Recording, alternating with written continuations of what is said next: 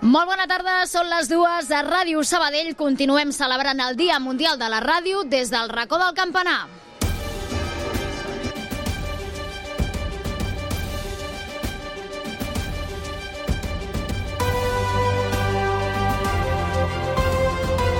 Notícies migdia. Núria Garcia.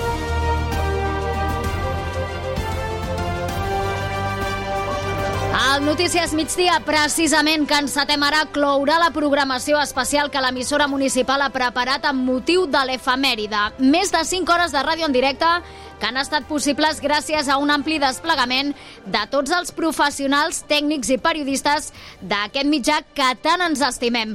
Però la ràdio també es transforma i evoluciona per arribar a nous públics que ja no s'informen ni s'entretenen a través del transistor, sinó que ho fan telèfon mòbil en mà. De tot això en parlarem d'aquí a uns minuts, però aquest dimarts 13 de febrer també ens deixa d'altres notícies destacades. Tal dia com avui, però de l'any 2009, moria l'alcalde Antoni Ferrés, fa tot just 15 anys. També us actualitzarem el conflicte a l'escola Andreu Castells i us presentarem el tema que acaba d'estrenar el cantautor sabadellenc Pol Cruells. Notícies migdia. La informació en 15 minuts.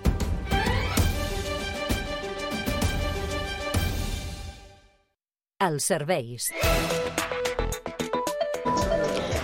Comencem actualitzant la situació al transport públic. Héctor Molina, des del Transmet, molt bon dia. Doncs estem tenint una jornada de dimarts, la veritat que molt plàcida en quant a alteracions a la xarxa de transport públic de l'àrea metropolitana. Fins al moment podem parlar de normalitat on tots els serveis, tant ferroviaris com de bus, funcionen sense cap incidència destacable. Així que, de moment, això és tot des del Transmet. Molt bon dia.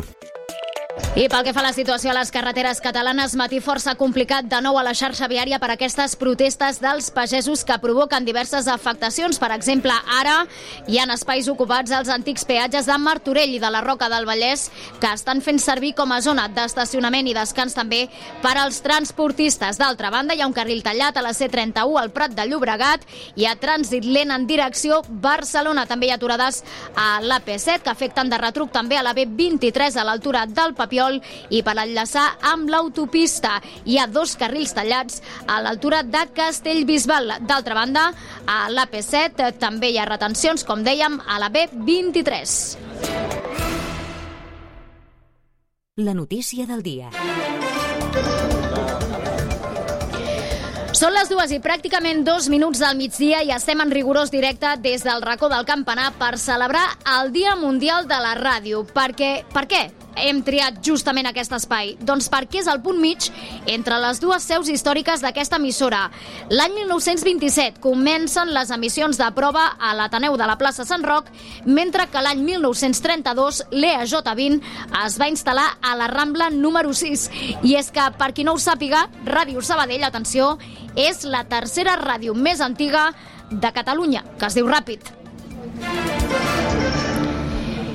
I com ha evolucionat des d'aleshores Ràdio Sabadell, Helena Molist, bona tarda. Bona tarda, doncs podem dir que ha evolucionat moltíssim. Des dels seus inicis, quan es feia una ràdio purament per antena que es podia escoltar només pels transistors, a fer una ràdio que ja es pot seguir per internet.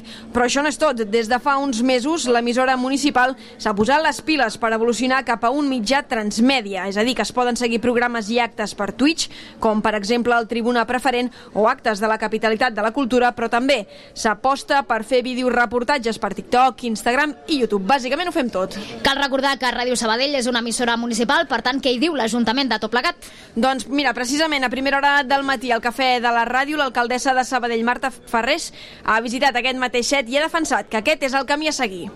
Ara la gent que esteu a qualsevol mitjà de comunicació eh, es demana molta polivalència, no? una mica el que també ens passa als polítics, no? que, que allò del míting s'ha acabat, no? o només el míting s'ha acabat, vosaltres només um, fer programes en antena no només és això, no? sinó que es demanen això, no? molt, molts més continguts d'altres tipus, molt, que sigui tot molt més ràpid, no? que la gent hi pugui accedir des de diferents llocs, no? i per tant això també exigeix no? una, una adaptació de, de la ràdio dels professionals. professionals En aquesta mateixa línia s'ha expressat també el regidor de Comunicació i primer tinent d'alcaldessa Pol Givert. Per tant, Núria, seguim fent ràdio, però també ens obrim a nous canals de comunicació.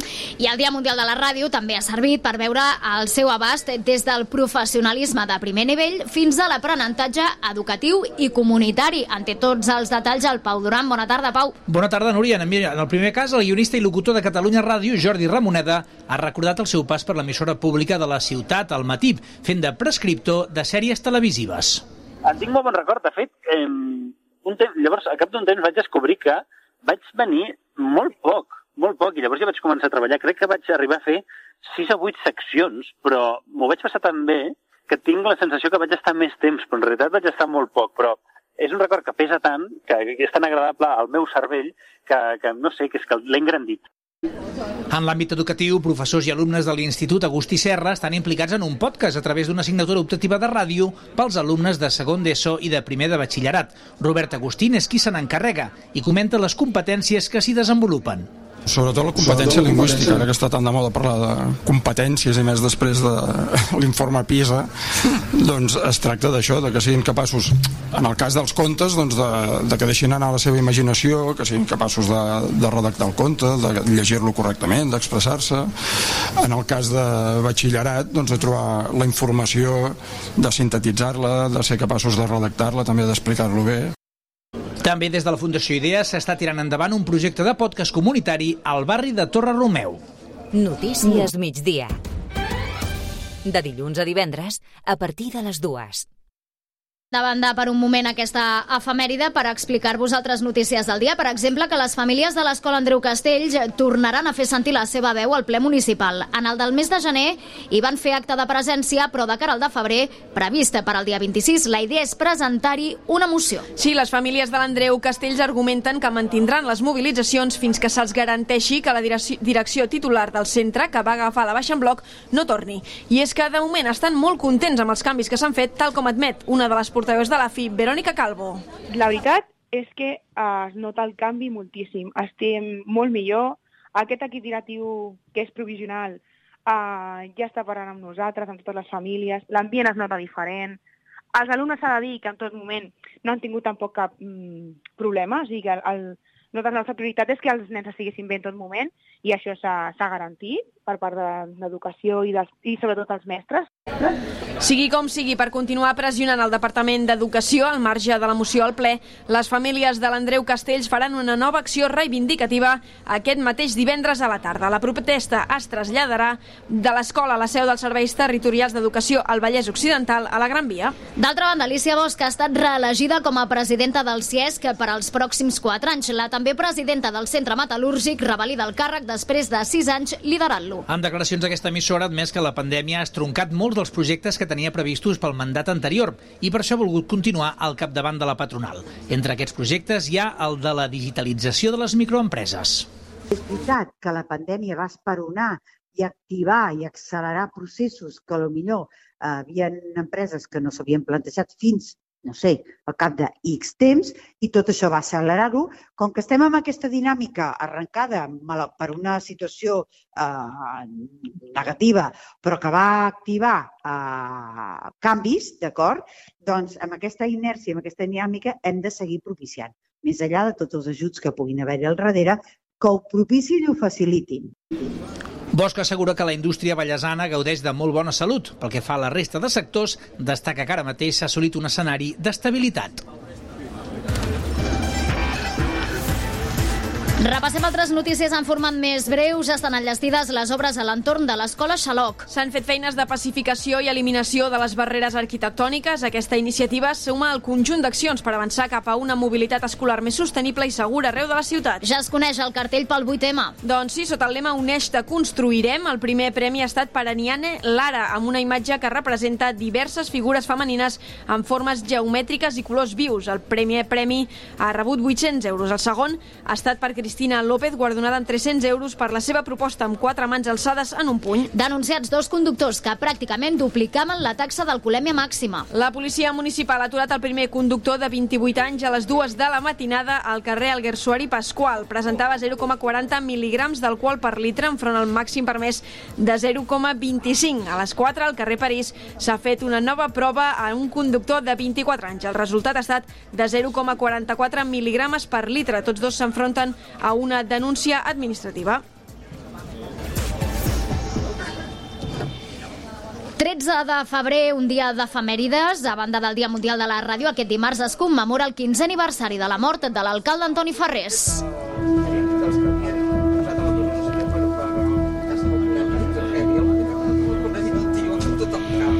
Tal dia com avui, però de l'any 2009, Antoni Ferrés moria als 63 anys a conseqüència d'un càncer de pulmó. En aquell moment es van decretar tres dies de dol oficial i es va instal·lar la capella ardent de Ferrés al Saló de Plens. Una capella ardent, però n'hi van passar centenars de sabadellencs que volien donar l'últim adeu a l'exalcalde, així com també polítics de tots els colors i representants de les màximes institucions del país. Coincidint amb l'efemèride, l'alcaldessa Marta Ferrés ha recordat com va viure aquest moment. I després recordo molt el, el dia, recordo molt el fèretre a la, a la sala de plens. Això sí que me'n recordo molt perquè em va, em va impressionar uh, moltíssim, no? sobretot la, com es va volcar la ciutat, no? la quantitat de gent que el va voler anar a despedir, no? aquest record maco que en tenim del Toni a, a Sabadell. No? Jo crec que és bonic que al final el millor homenatge que, que se li pot fer al Toni és precisament que la gent el segueixi estimant i el segueixi recordant, doncs jo crec que amb, amb l'estima i la passió que ho fem a Sabadell. Però per què és tan recordat i estimat Antoni Ferrés? D'una banda, perquè tenia un estil propi de fer política, i de l'altra perquè va ser el gran artífex de la primera gran transformació de la ciutat. Així ho ha destacat el periodista local Antonio Santamaria. Va entomar la ciutat en unes circumstàncies molt difícils. La ciutat sortia d'una dictadura, els barris que estaven, no? Fi, per la gent que no l'hagi conegut, ara els barris tot asfaltat, hi ha llum, en fi, no? Hi ha... Però clar, tu anaves als barris, jo què sé, als anys 70 i era Kansas City, eh? I això ha canviat molt, no? I això, sí, no? això se li deu, se li deu al Ferrer. Antoni Ferrés va ser alcalde de Sabadell entre els anys 1979 i 1999. Advocat laboralista, va ser el primer batlle de la transició amb el SUC. Posteriorment passaria a les files d'Iniciativa per Catalunya, una formació amb la qual també va trencar quan es va acomiadar de la primera línia de la política abans de les eleccions municipals de l'any 99.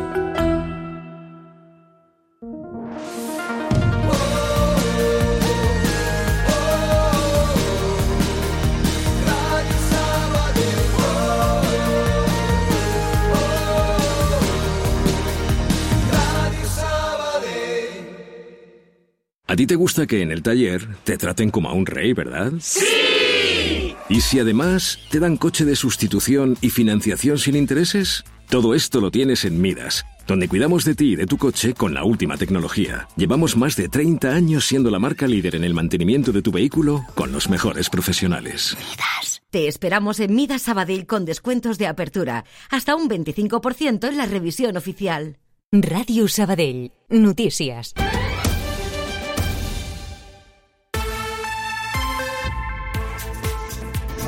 Fem un cop d'ull a l'actualitat més enllà de Sabadell per explicar-vos que hi ha una nova jornada de mobilitzacions dels pagesos i que això està provocant importants incidències viàries. Sí, d'una banda han bloquejat el port de Tarragona fent caure un 83% l'afluència de camions respecte d'una jornada normal. De l'altra, els agricultors també mantenen les accions a Mercabarna amb els accessos bloquejats i tallen algunes carreteres com l'AP7 a Pons i la C25 a Vic. Els pagesos reclamen de nou la reducció de la burocràcia per la seva feina o la competència deslleial respecte respecte d'altres mercats. El Consell de Ministres ha nomenat l'exvicepresidenta de l'executiu Carmen Calvo com a presidenta del Consell d'Estat. Calvo va renunciar ahir a l'acte de diputada del PSOE al Congrés per assumir aquesta nova responsabilitat. Substituirà en el càrrec a Magdalena Valerio, el nomenament de la qual ha estat tombat pel Tribunal Suprem per entendre que no compleix el requisit de jurista de prestigi reconegut. La secretària general d'Esquerra, Marta Rovira, afegeix més llenya al foc, ha revelat que el PP va contactar amb els republicans a l'estiu per negociar la investidura de Núñez Feijó. En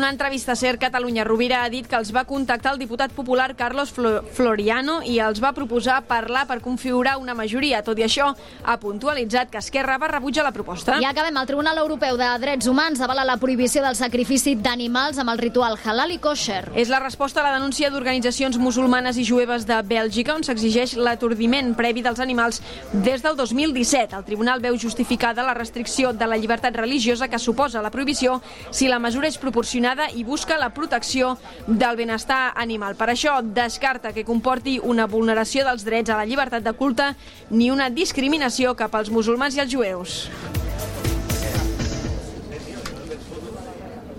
Cultura. Cultura. El sabadellenc Pol Cruells ha publicat la primera cançó del seu nou disc, Planeta Miret. El tema es diu Xiu-xiueig aixordador.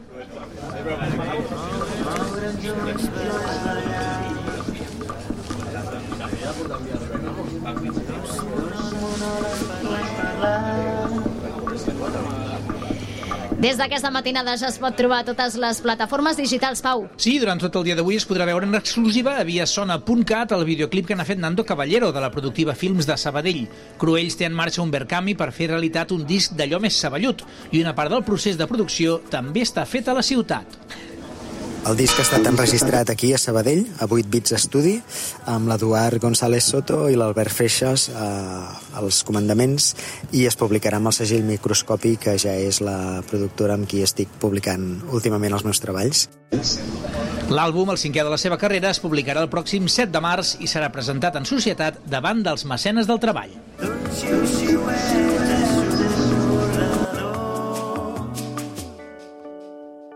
El temps. Matí ben assolellat aquí al centre de Sabadell. S'està força bé aquesta hora. Què ens espera de cara a les pròximes hores? Lluís Mi Pérez, endavant. Dimarts ja que està sent molt més calmat que no pas ahir, sobretot pel que fa a la velocitat del vent. Aquest vent de mestral que va de baixa, sobretot a les comarques del sud del país, també les ventades que hi havia al Pirineu i les properes hores el temps ja ha de ser molt més plàcid. De fet, fins i tot el vent anirà girant cap a Garbí, a gran part de la costa. Això també farà que hi hagi millor estat de la mar que no pas aquest matí, sobretot ahir al vespre. I tot plegat amb pocs núvols al llarg de les immediates hores. Quatre de baixos enganxats a la costa barcelonina, molt poc destacables, i també algun nuvolet prim poc destacable, entrant per les comarques de Ponent, amb una temperatura que torna a ser molt suau. Avui baixarà una miqueta respecte a ahir, arran de mar, però en canvi cap a l'interior del país l'ambient es farà més càlid. I més que ho serà en vista el dimecres, perquè la temperatura ja estarà per sobre dels 20 graus a moltes poblacions, tot plegat demà simplement amb núvols prims i durant la tarda alguns núvols més baixos que afectarà la costa daurada sobretot. Us seguirem a la xarxa. Passa un minut d'un quart de tres, marxem. Fins aquí el Notícies Migdia, però també la programació especial de Ràdio Sabadell amb motiu del Dia Mundial de la Ràdio que hem celebrat amb tots vosaltres des d'aquí, des del racó del Campanat, durant tot el matí, explicant-vos com fem la ràdio cada dia, però avui des del carrer. No marxeu, perquè també podeu continuar informats al portal de continguts de l'emissora, a les xarxes socials i a través del nostre canal de WhatsApp. I recordeu també que aquesta programació especial i la ràdio que fem cada dia no seria possible sense tots els professionals de l'emissora municipal. Des del primer a l'últim. Gràcies a tots ells, salut i ràdio. Allà on siguis, escolta'ns online. En directe.radiosabadell.fm